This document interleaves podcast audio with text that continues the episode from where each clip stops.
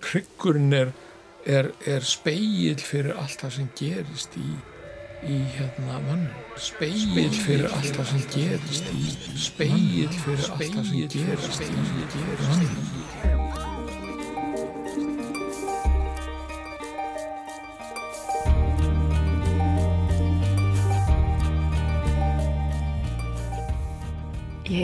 Anna Geða Sigur Gísladóttir. Í þessari stutt þáttaröð kynni ég mér einar ímsu hliðar á burðargrind okkar hryggdýrana uppi stöðinni sjálfri hryggsúlunni.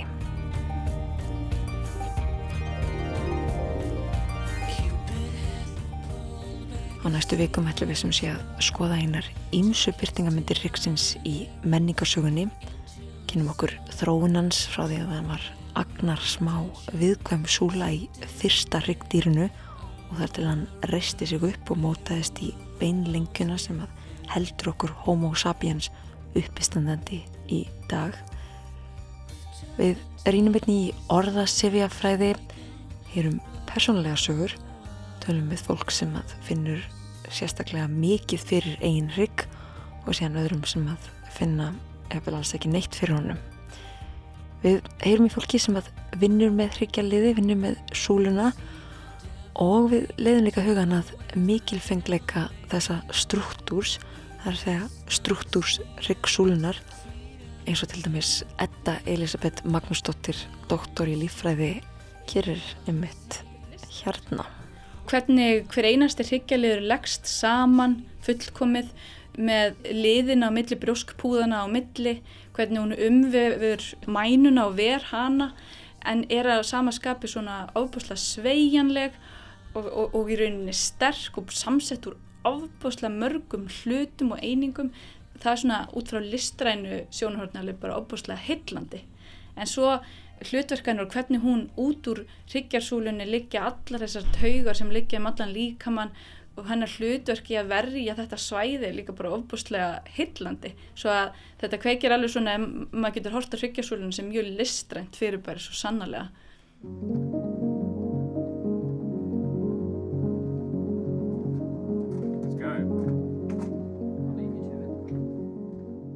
Við kynntumst Eddu Elisabetu í síðasta þætti. Þá fórum við okkur aftur á byrjunarreit, eða já, byrjunarreit ryggsúlunar allavega.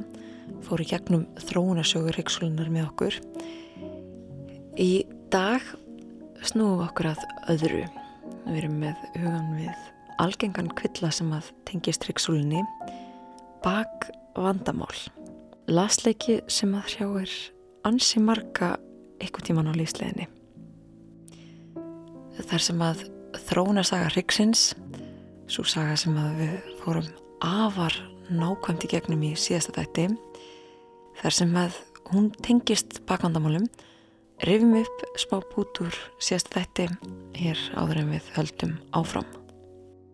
Þannig að það, svo útgáð sem við erum í dag eða hvaðanar dýr er alveg miljónir smáskrefa sem þurfa að eiga sér stað sem að veljast út frá umhverfi og aðstæðan hverju sinni sem að ráða útkominni og við erum í rauninu útgáfa og eitthvað skonar útkoma af því að vera, jú með stuttan hryggjalið sem gerði okkur kleift að vera upprétt sem gerði okkur kleift þá mögulega að, að halda upp í stærri heila sem að eldi okkur í samskiptum og, og meiri vitsmunir eða valið fyrir þeim í hópum til þess að geta lífað í hóp og látið að virka, það er tölverða vitsmunni til dæmis, þetta er svo fjölbreyttir þættir sem að hafa stöðlaði sem við erum í dag.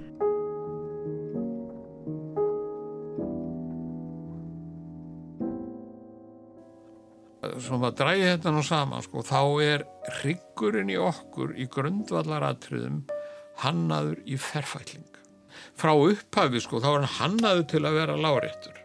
Og hann er það í öllu þessum dýru hann var svo sem deila um það sambandi við sumar í sæðlutnar því þær voru svona svolítið uppréttar en þær voru með þennan gríðarlega hala sem held öll í ballans ég segi yfirleitt við, við fólk sem leita til mín ryggurinn í þér er hann aður í geit það er að segja hann er alveg eins. Hann breytist í raun sko fyrir svona 5, 6, 7 miljónum ára þá þá verður tvífællingur til. Þá er hryggurinn í raun að vera allt unni reistur upp um 90 gráður. Og hann breytist ekkert. Það er að segja við fáum þessa sveigur lenda sveigina og sveigina í hálsin það er eiginlega allt og sumt sko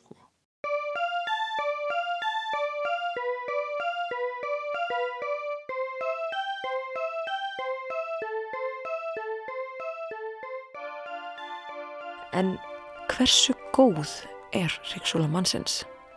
Hversu fullkomin er hún? Nú, nú varst það eins að segja frá því sko, hvað gera það verkum að við getum stað og við sem búin eitthvað neginn, það, það er ákveðið val í náttúrunni og við höfum svona náðað yfirstíga alls konar hindranir. Hversu góð er Ríksúla mannsins? Þetta er mjög erfið spurning og eflaust sko bæklunar sérfræðingu sem myndir svaraði miklu betur heldur en ég. En það er náttúrulega fjölmörg álagsengjenni á okkar hryggsúlu í, í nútímanum sem sagt.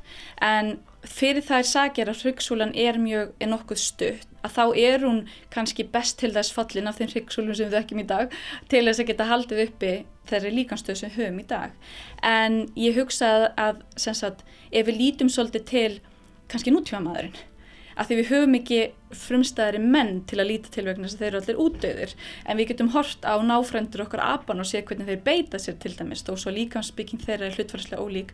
Eins og bara hvernig þeir bera sér aðeins að lifta plutum og, og hérna ef þú þarfst að beigja þig niður eftir einhverju að þú ert ekki að bóðra við það heldur, heldur þarfst að halda hryggjasúlunni beitni og það er kannski frekar að hvernig við högum okkur í nútíma samfélagi sem að hryggjasúlunni er ekkert sérlega fullkomin fyrir. Mm. Við erum komin á langt frá náttúrunni kannski? Já, við, við erum komin svo langt frá náttúrunni og ja, til dæmis bara eins og mannfræðingar hafa seint fram á bara líkansbeitingu hjá fólki sem býru frumstæðar aðstæður. Þar er hryggjarsúlan miklu sterkari, það er að segja ekki hryggjarsúlan, sjálfhöldu vöðvarnir eru sterkari og bara hvernig fólk situr, það hefur meira úthaldi að sita með beinan hrygg. Þannig að þægindin okkar er ekki góð fyrir hryggjarsúlan okkar. Það er kannski frekar það.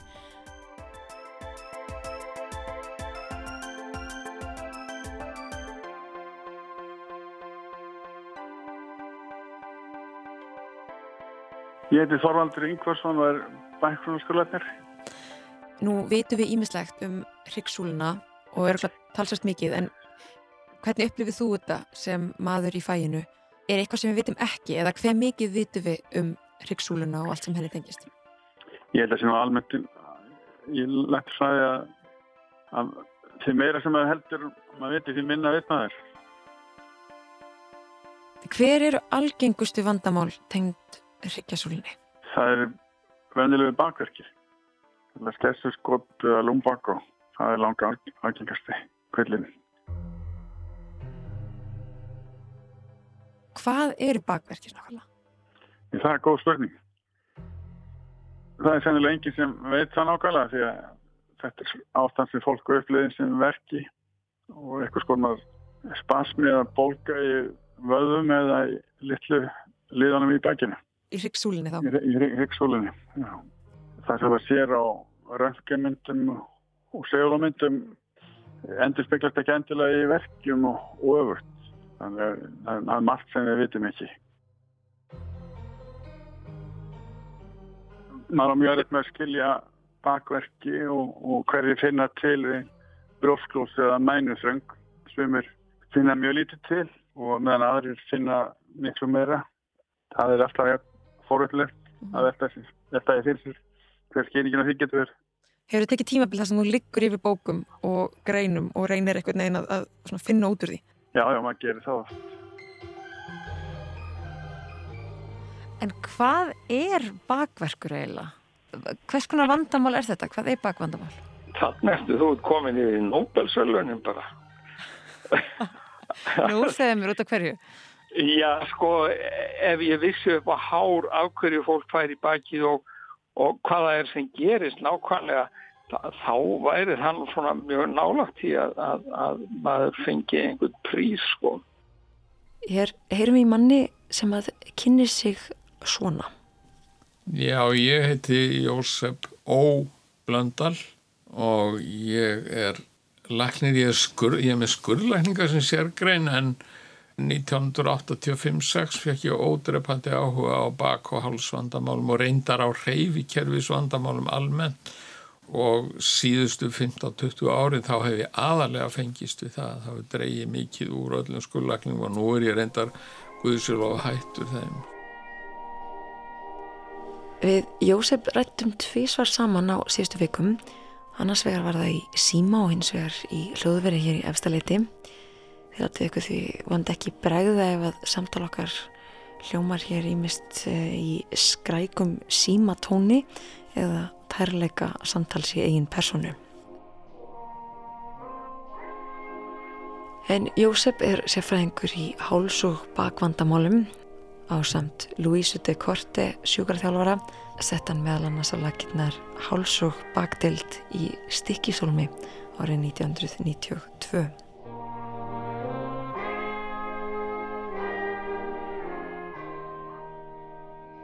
þannig ég skilji þetta rétt því að ég fatt ekki hvernig eitthvað sem er svo staðbundið verkur sem er staðbundin, ég skil ekki alveg af hverju það er ekki vitað nákvæmlega hvað þetta er og eftir alla þína reynslu í holminum þú hefur unni vitað hvað í 30-40 árjafvel 27 ár. Svo 27 ár. gammal er ég svo gammal er ég ok, þú hefur unni vitað heila rockstjörnu æfi 27 ár ég hef unni vitað síðan 86 þegar ég fór til London og fór að læra þetta sko. þá, já. Þá, já.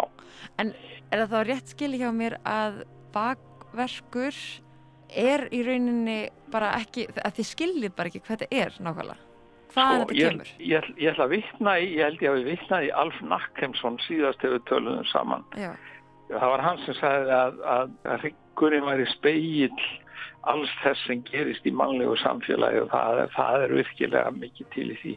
Alf Nackemsson hann dó 2006 og, og bara nokkur mánuðum áður en hann dó þá sagði hann ég hef helgað líf mitt því að komast að því af hverju fólk fær bakverki og ég fer í gröfina án þess að vera nokkru nær.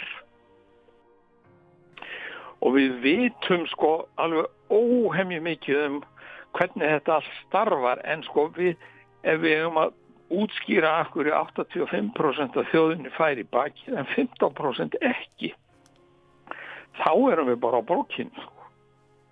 Við getum ekki útskýrt það.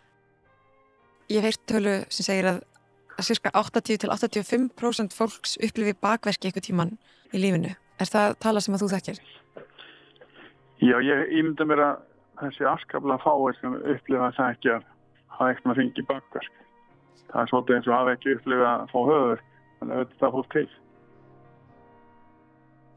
Sko þetta er algengast á aldrinu svona hvað að segja 25-55 ára. Hámarkið við 42 ára aldur reknaði einhver út. Er þetta eitthvað sem hrjáir 80-85% manns eitthvað tíman á æfinni? Já, það, það eru svona, það er tölu sem er unnið með í hinnum vestræna heimi. Sko, sko miða við önnur líkamsvandamál, sker bakvandamál sig úr að einhverju leiti eða er þetta svona, e, hversu alvarlegt vandamál er þetta í samfélagum? Sko þetta er eitt allra algengasta helbriðisvandamál í heiminum. Margir segja þetta sé dýrasta helbriðisvandamál í heiminum og svo ég nefni einhverja tölu þá er sko þetta er algengasta orsök örorku hjá fólki undir 45 ára aldri. Á Íslandi eða... Á Íslandi og hvað sem er sko. Og, og sko meini liggur í því að við erum með hyggsúlu sem er hönnuð í geit og, og hún er sem sagt orðin upprétt og það eru vissi hlutarina sem þóla það ekkit allt og vel og, og, og það er nú sennilega sko, það, það er upphálega skýringin á bakhandamálunum og þarna er, er sko viðkvæmast í hlutin, það eru neðstu liðfóðarnir í mjóbakkinu og neðstu liðinir í hálsunum líka. Jósef sagði nánar frá þeim vankvöndum sem að fylgja einhver leiti uppréttri stöðu mandýrsins. Þarna eru tveir, þrýr, jáfnvel fjórir veikir hlekkir eða viðkvæmi hlekkir, það er ekki gott að segja veikir, viðkvæmi hlekkir og viðkvæmasti hlekkurinn það er liðþófin. Ástæðan fyrir því að hann er svona viðkvæmur er að hann hefur enga blóðrás og við erum náttúrulega hvað sko neðstu hryggjaliðina áhrærir þá erum við að auka álægi alveg gríðarlega mikið af því allt í hennu þá kvílir helmingur líkast þungans á neðstu mjórhíkjaliðunum. Og þetta með blóðleysið, það útskýrir það af hverju liðþói sem er byrjaðar að skemmast. Mm. Hann græir aldrei og er aldrei með stóru æ, hann græir aldrei. Það er ekki þar með sagt að það sé aðgöngum í að bakverkjum. Næsti viðkvæmi hluti það eru svo kallar bógarliðir eða smáliðir eða fasettuliðir sem eru svona stýriliðir sitt hvorum eigin og þegar sko liðþóanir eru orðniskemdir þá verður ákveðin óstöðuleiki, það er reynda alltaf vond orð að því þetta er snýstum sko millimetra.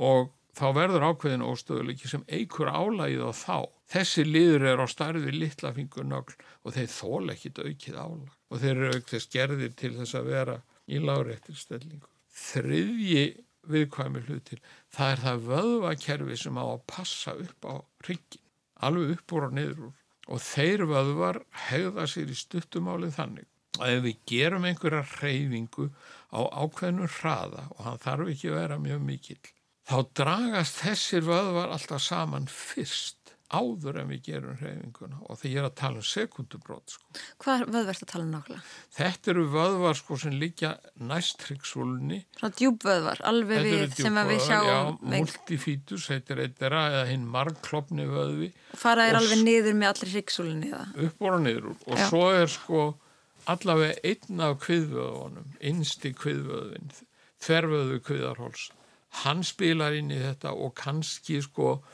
skáfaðuvarnir líka. Það má segja sko að áverki á eitt hluta líkamanns er áverki á hann allan. Að þetta er vel sem á að virka. Já, þegar, ég menna ef þú fær, ef þú fær verki í handlegin eða aukslina þá ertu náttúrulega, þá er allur líkaminn sem bregst við. Mm. Hann getur bröðust við á jákvæðan hátt, hann getur líka bröðust við á neikvæðan hátt, þannig að viðhaldi mm. verkja ástandinu. En sko þessir vöðvar eru stórmerkilegir og það koma rannsóknir frá Brisbane í Ástralíu upp á 1990 sem sína þetta sko bara með mælingum að þessi vöð, vöðvar þeir eru að draga saman áður en hreyfingin á sér stað. Sko fyrsta rannsóknir var gerð á svo kvöldluðum frískum sjálfbóðaliðum. Það er yfirleitt stúdendar sem þú var ekki að segja nei og, og þá kom þetta í ljós sko síðan takaðu þetta er mjög merkilegt merkilega miðstöð fyrir bakverki hann í Brisbane. Mm. og hérna þau taka sko um minni 70 manns með bakverki og gera sömur ansókn á þeim. Og þá kom í ljós að hjá þeim virkar þetta ekki. Þá dragast öðunir annarkvort saman of seint eða þau dragast bara ekkit saman. En er þetta að segja að þessir vöðvar séu veik svona einn veikur lingur í kerfi upprétta mannsins af því að þeir eru ekki nóg sterkir? Sko þetta eru svo kallega low load vöðvar. Það er að segja að þeir eru ekki, sko þeir, þeir vinna nú, erum ekki sjónvarpi sko, en þeir eru sko að vinna alltaf með það sem er að gerast frá einu sekundubróti til annars. Þegar við tökum á, þá notum við stóru sterku vöðvana. Mm. Ef þessi vöðvar vinn ekki vinnuna sína, þessi stóðvöðvar, þá notum við stóru sterku vöðvana til að halda hryggsúlinni stöður í. Gallinu sá, þeir eru ekkit úthald. Úthald þeirra er kannski ein og hálf, tvær mínútur og ekki meira. Hínni vöðvarnir, það eru marathónvöðvar.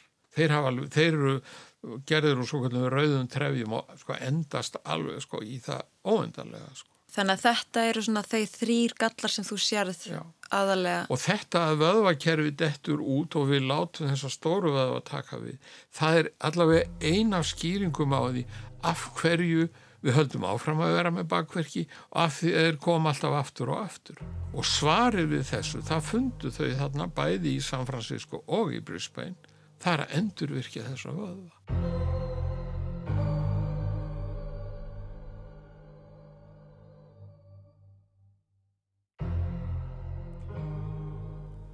Það sem ég finnst svo einkennilegt er ósýnileiki þessara verka. Ég spyr Jósef því nánar út í það. Og þýðir það þá sko að, að þið getur stundum séð hvað nákvæmlega er að það er hérna brjósklós og þið sjáu þá myndum. Ímyndslið sem þið sjáuð en það er sérstaklega mjög mikið sem þið bara sjáuð ekki og þá vitið ekki hvað er að valda ákveðnum verkjum í baki. Sko, sko við, erum, við sem erum búin að vera lengi í þessu, við erum bísna nösk á hvaðan verkinni koma en það er bara einn partur sko síðan fara bóðin upp í heila og, og rannsóknir sem hafa verið gerðar þar sem er gerð segulómun með skuggaefni til að sjá hvaða stöðvar eru virkar. Rannsóknir sína það að það er ekkit einhver einn stöð upp í heila sem er verkjastöð, heldur virkjast fullt af mismunandi stöðum og það þýðir að þetta tengi sko hvernig manni líður og hvar maður er stattur í tilverunni þetta tengis náttúrulega erfðum líka spila inn í þetta. Það er tölverður erðaþáttur í bakvandamálu. Sko. Þannig að sko það sem að menn, menn voru alltaf að innbytta sér að og bandaríkja menn er sko vestadæmið um það, það er að eldast alltaf við verkina sem slíka að vera að spröyta og sem að reynda að gera oft gang sko en að vera að spröyta, gefa sterk verkjali og svo framvegis bandaríkjaman hafa brent sig alveg svakalega illa á því og líka á því að vera alltaf að spengja fólk sko.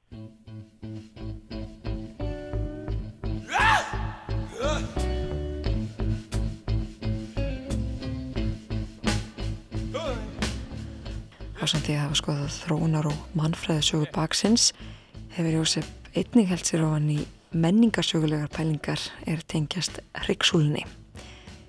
Einn þessara sagna snýrað manni sem að við vitum alla jafna töluvert mikið um leiðilega að segja. The world is very different now for man holds in his mortal hands the power to abolish all forms of human poverty and all forms of human life.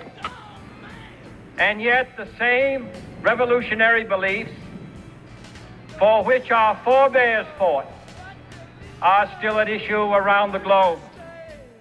Þetta er jú John F. Kennedy fyrrum fórsiti bandaríkjana.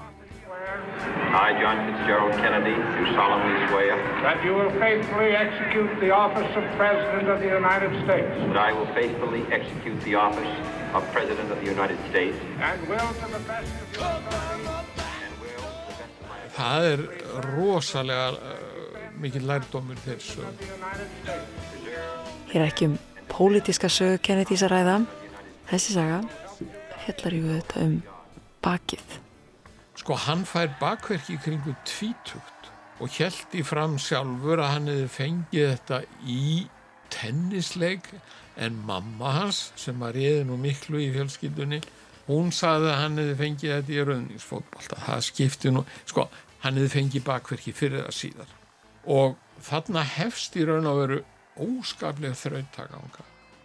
Sko fyrst í stað þá er hann með mjög erfitt bakvandamál og þegar stríðið brýst út þá ætlar hann í herin og þeir segja nei, þetta er alltaf bakveikur Hvernig var þetta bakvandamál notabenni? bara hann fann bara til í bakinu. Hann með verki. já, alltaf.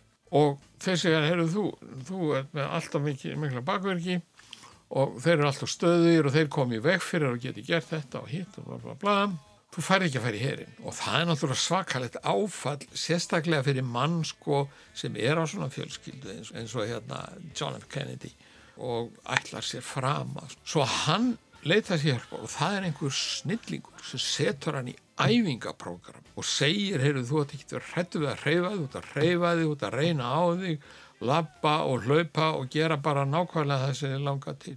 Og hann gerir þetta og hann batnar og þá fer hann í herin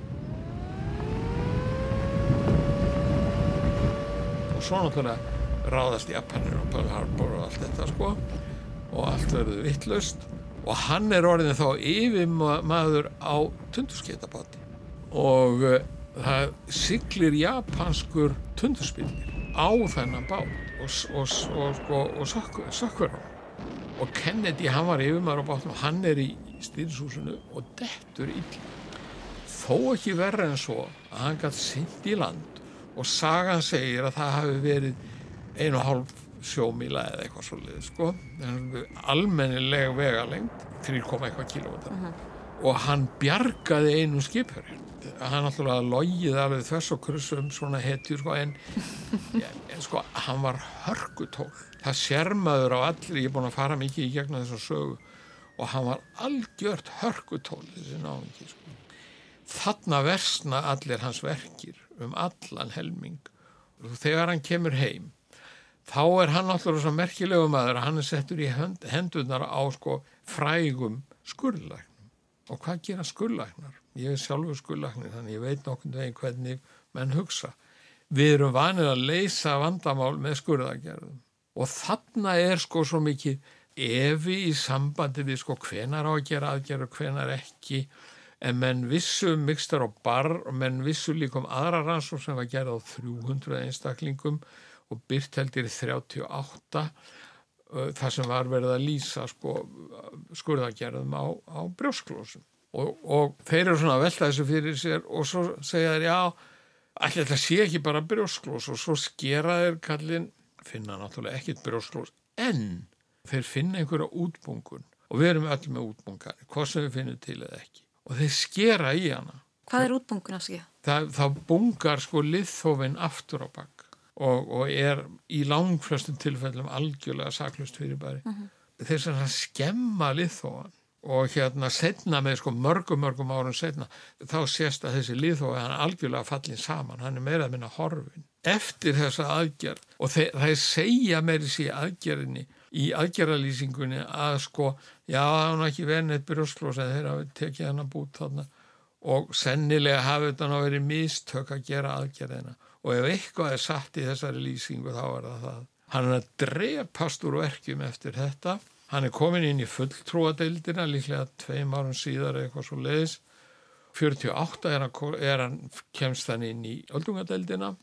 Þá er hann á hækjum. Þá er hann svo illa haldin að hann er á hækjum síðan sko þá faraður að skoða hann að því hann var alltaf að drefast á verkjum kona á líf og allan djöfli og þá sjáður það að þessi liðþói hann er alveg fallin saman þá segja þeir sko Sjúkarsaga Kennedys er ansi lung þannig að ég leif mér að draga þetta saman hann var sem ég sendur í þrjár skurðagerður á hrygnum í viðbótum En allt þetta er í gangi á söfum tíma og hann er undirbúið að fórsetta frambóð og, og hann er að vinna fyrir þingi. Ójá, alltaf er hann að drepa svo verkjum. Og ég er sko á hækjum og allt það sko. Og uh, til myndir á hann í hjólastólmur. Þannig að hann er að búin að fara í fjórar ónöðsynlegar aðgerðir. Síðan verður hann fórseti. Þá er hann komin með ágæta konu sem hérna var sérfræðingur í svona triggerpunktum Þetta er svona sjálf? Nei, nei, nei, hún að stinga í sko og sprauta staðdefilífi í auðmapunkta og hún er semst orðin eiginlega bak klæknirinn hans. Síðan sko fer hann í frambóð og er kosin fórseti og þetta er sama ástandið áfram, hann er alltaf að drepa stúverkjum en hún hann, hún sprauta hann tvísvar á dag með staðdefilífi baki á allt upp í tólf staði, tólf mismunandi staði. Þannig að hún var haldið gangand á sprautum. Og um svipaleiti er hann komin í meðferð hjá manni læknin sem hér Jacobson sem var svona, held ég, svipu típa á lækninu sem draf hérna Michael Jackson og var að gefa hann sko koktel sem inni helt morfín og kókain og svona alls konar góð geti. Kókain á þessum árum var ekki talin eitt rosalega hættulegt líf. Svo er hann komin inn í kvítahúsið, þá er hann með þrjá lækna. Eitt sér um Addison sjúkdóminn frábælæknir frá Mayo klínikinni og síðan er sko yfirlæknir kvítahúsins og svo þessi kona sem sá um að spröta hann í baki. Þessi Mayo kall sko, hann hérna hafði óskaplegar áhyggjur af Kennedy að því að umfram allt þá var hann ekki að batna. Hún var bara haldið gangandi með þessum spröð og það er því líst sko í, í einni bókinu sem ég las að sko, fyrir bladamannafundi eða frettamannafundi þá spröð þá hún hann á svona fleiri stöðum og ef maður virði fyrir sér upptökur þar sem að Kennedy sést þá sér maður hvað hann er, hann er svo stífur mm. og þessi Mayo Clinic lækni, hann er komið miklar ágjur á Hann hafði átt samstarfið lækni í New York sem hétt Hans Kraus.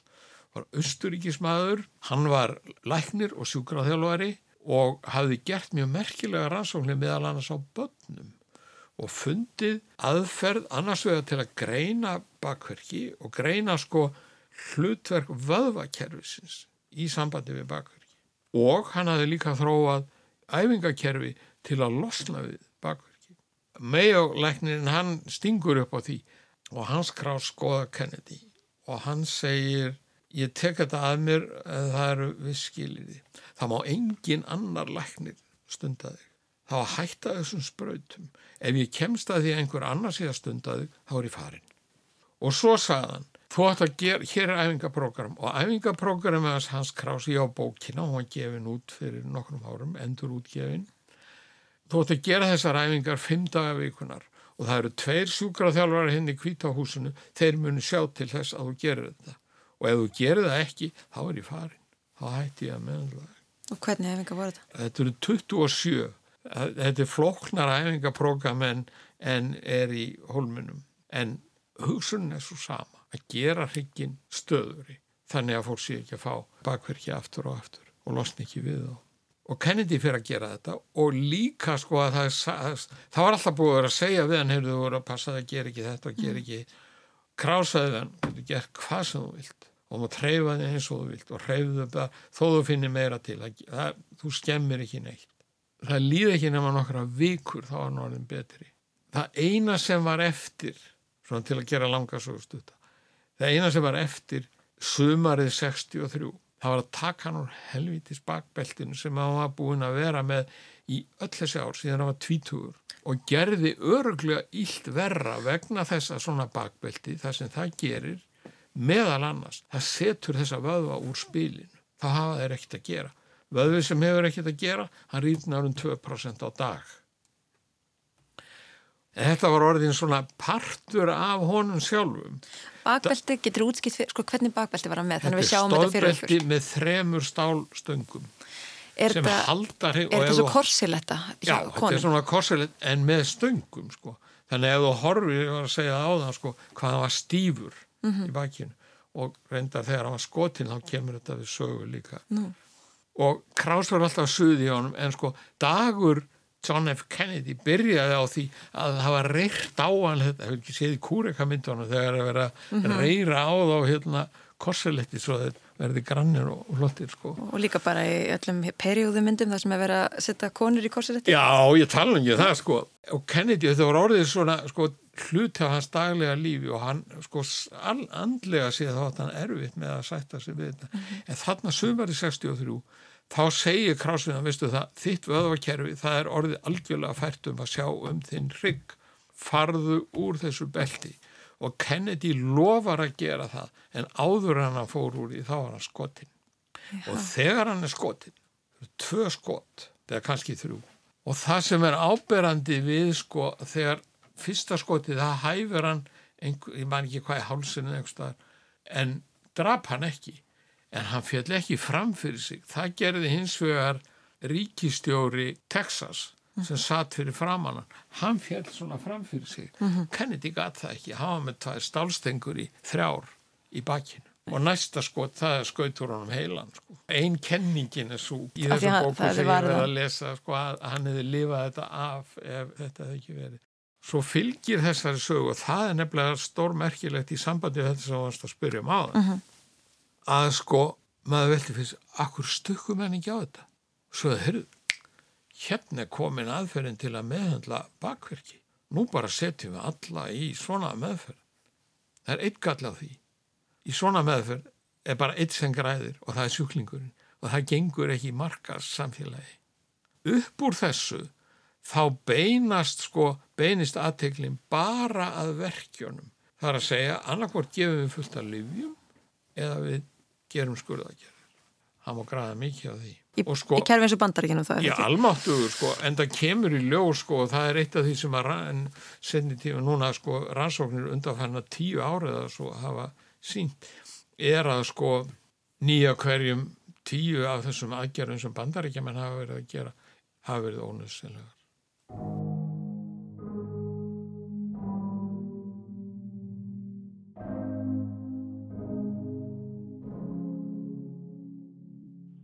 Nú þar sem þú skilur ryggsúluna, þú vinnur með þetta fyrirbæri og hefur séð þetta, hefur skorið þetta upp, veist það sem hægt er að vita um þetta. Skinnjar þína eigin ryggsúlu undarlega eða á okkur annan móta? Ég held að maður hver einn hljóta nálgast sín ryggvandamál með tímanum af einhverju reynsli. Menn vita hvað geta bóðið sér og, og, og hvað veldu verkjum hjá sér og svoleiðis. Er þetta fyrirbæri sem að þú ert mjög meðvitaður um að því að nú, eru, nú er, held ég fólk ekkert almennt meðvitað um hryggsúluna fyrir en eða eitthvað skeður, eitthvað bjátar á. Er þú mjög meðvitaður um þína hryggsúlu? Já, já, held ég verið að segja það. Maður sem hefur haft bakverki og hverju, maður veit, maður veit af henni. Hvernig færð þú vel með þína hryggsúlu? Það er að segja sig á hverjum deg. Og gerir þú það? Já, það gerir ég. Allt og hefur kemur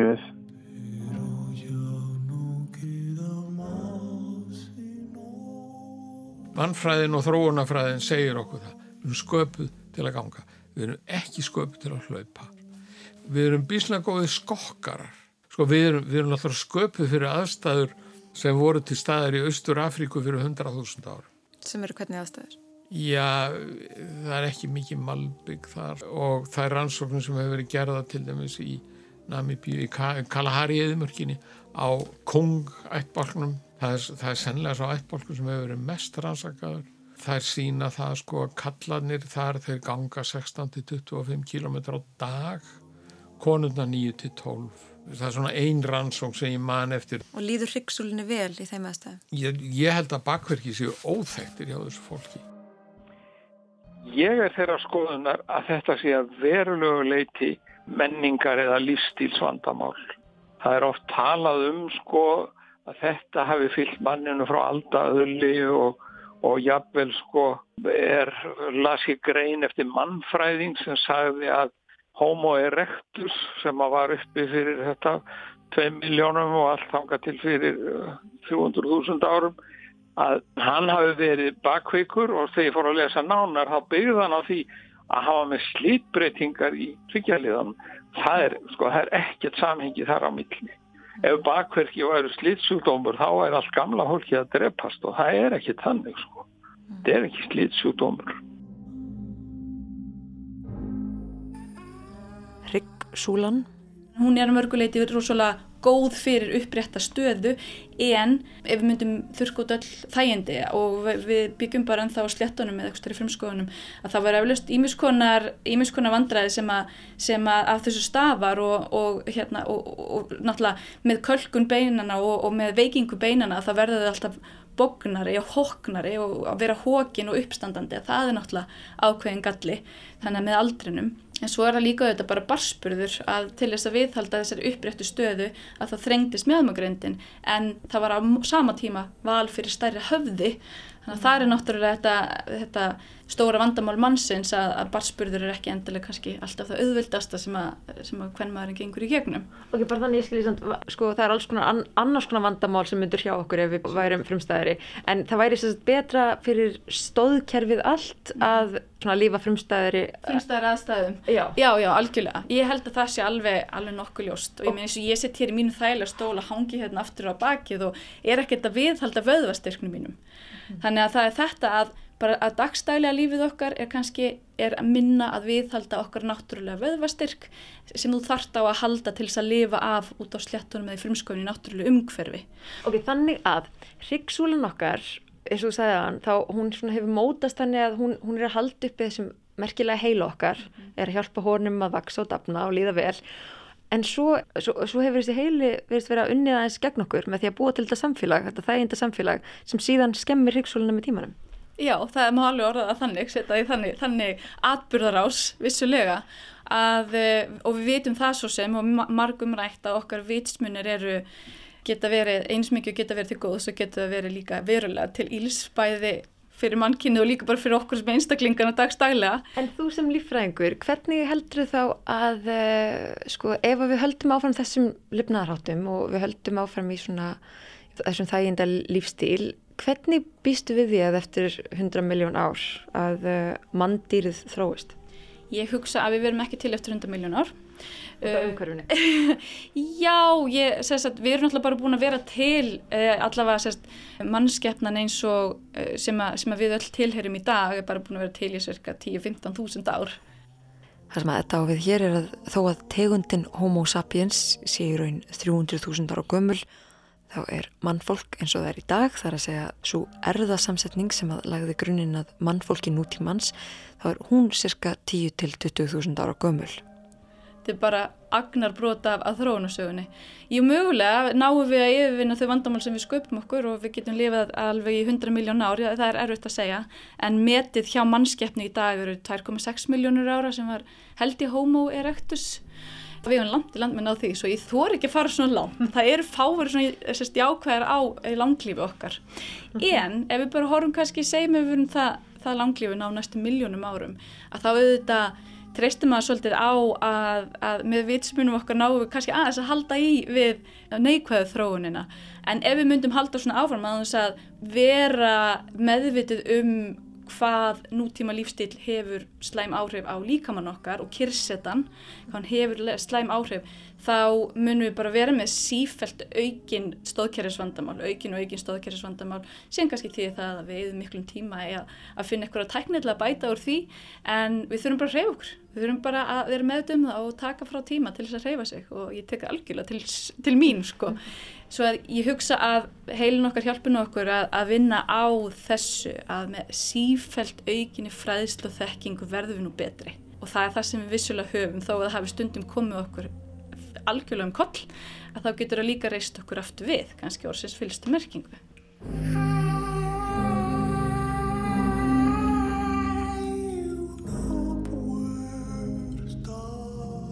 Það voru sér loki hjá okkur í dag Við erum staftur að viku liðni, skoðum þá aðrar og fleiri hliðar á þessu merkilega og undarlega fyrirbæri, ryggsúlunni. Takk fyrir samfélgina.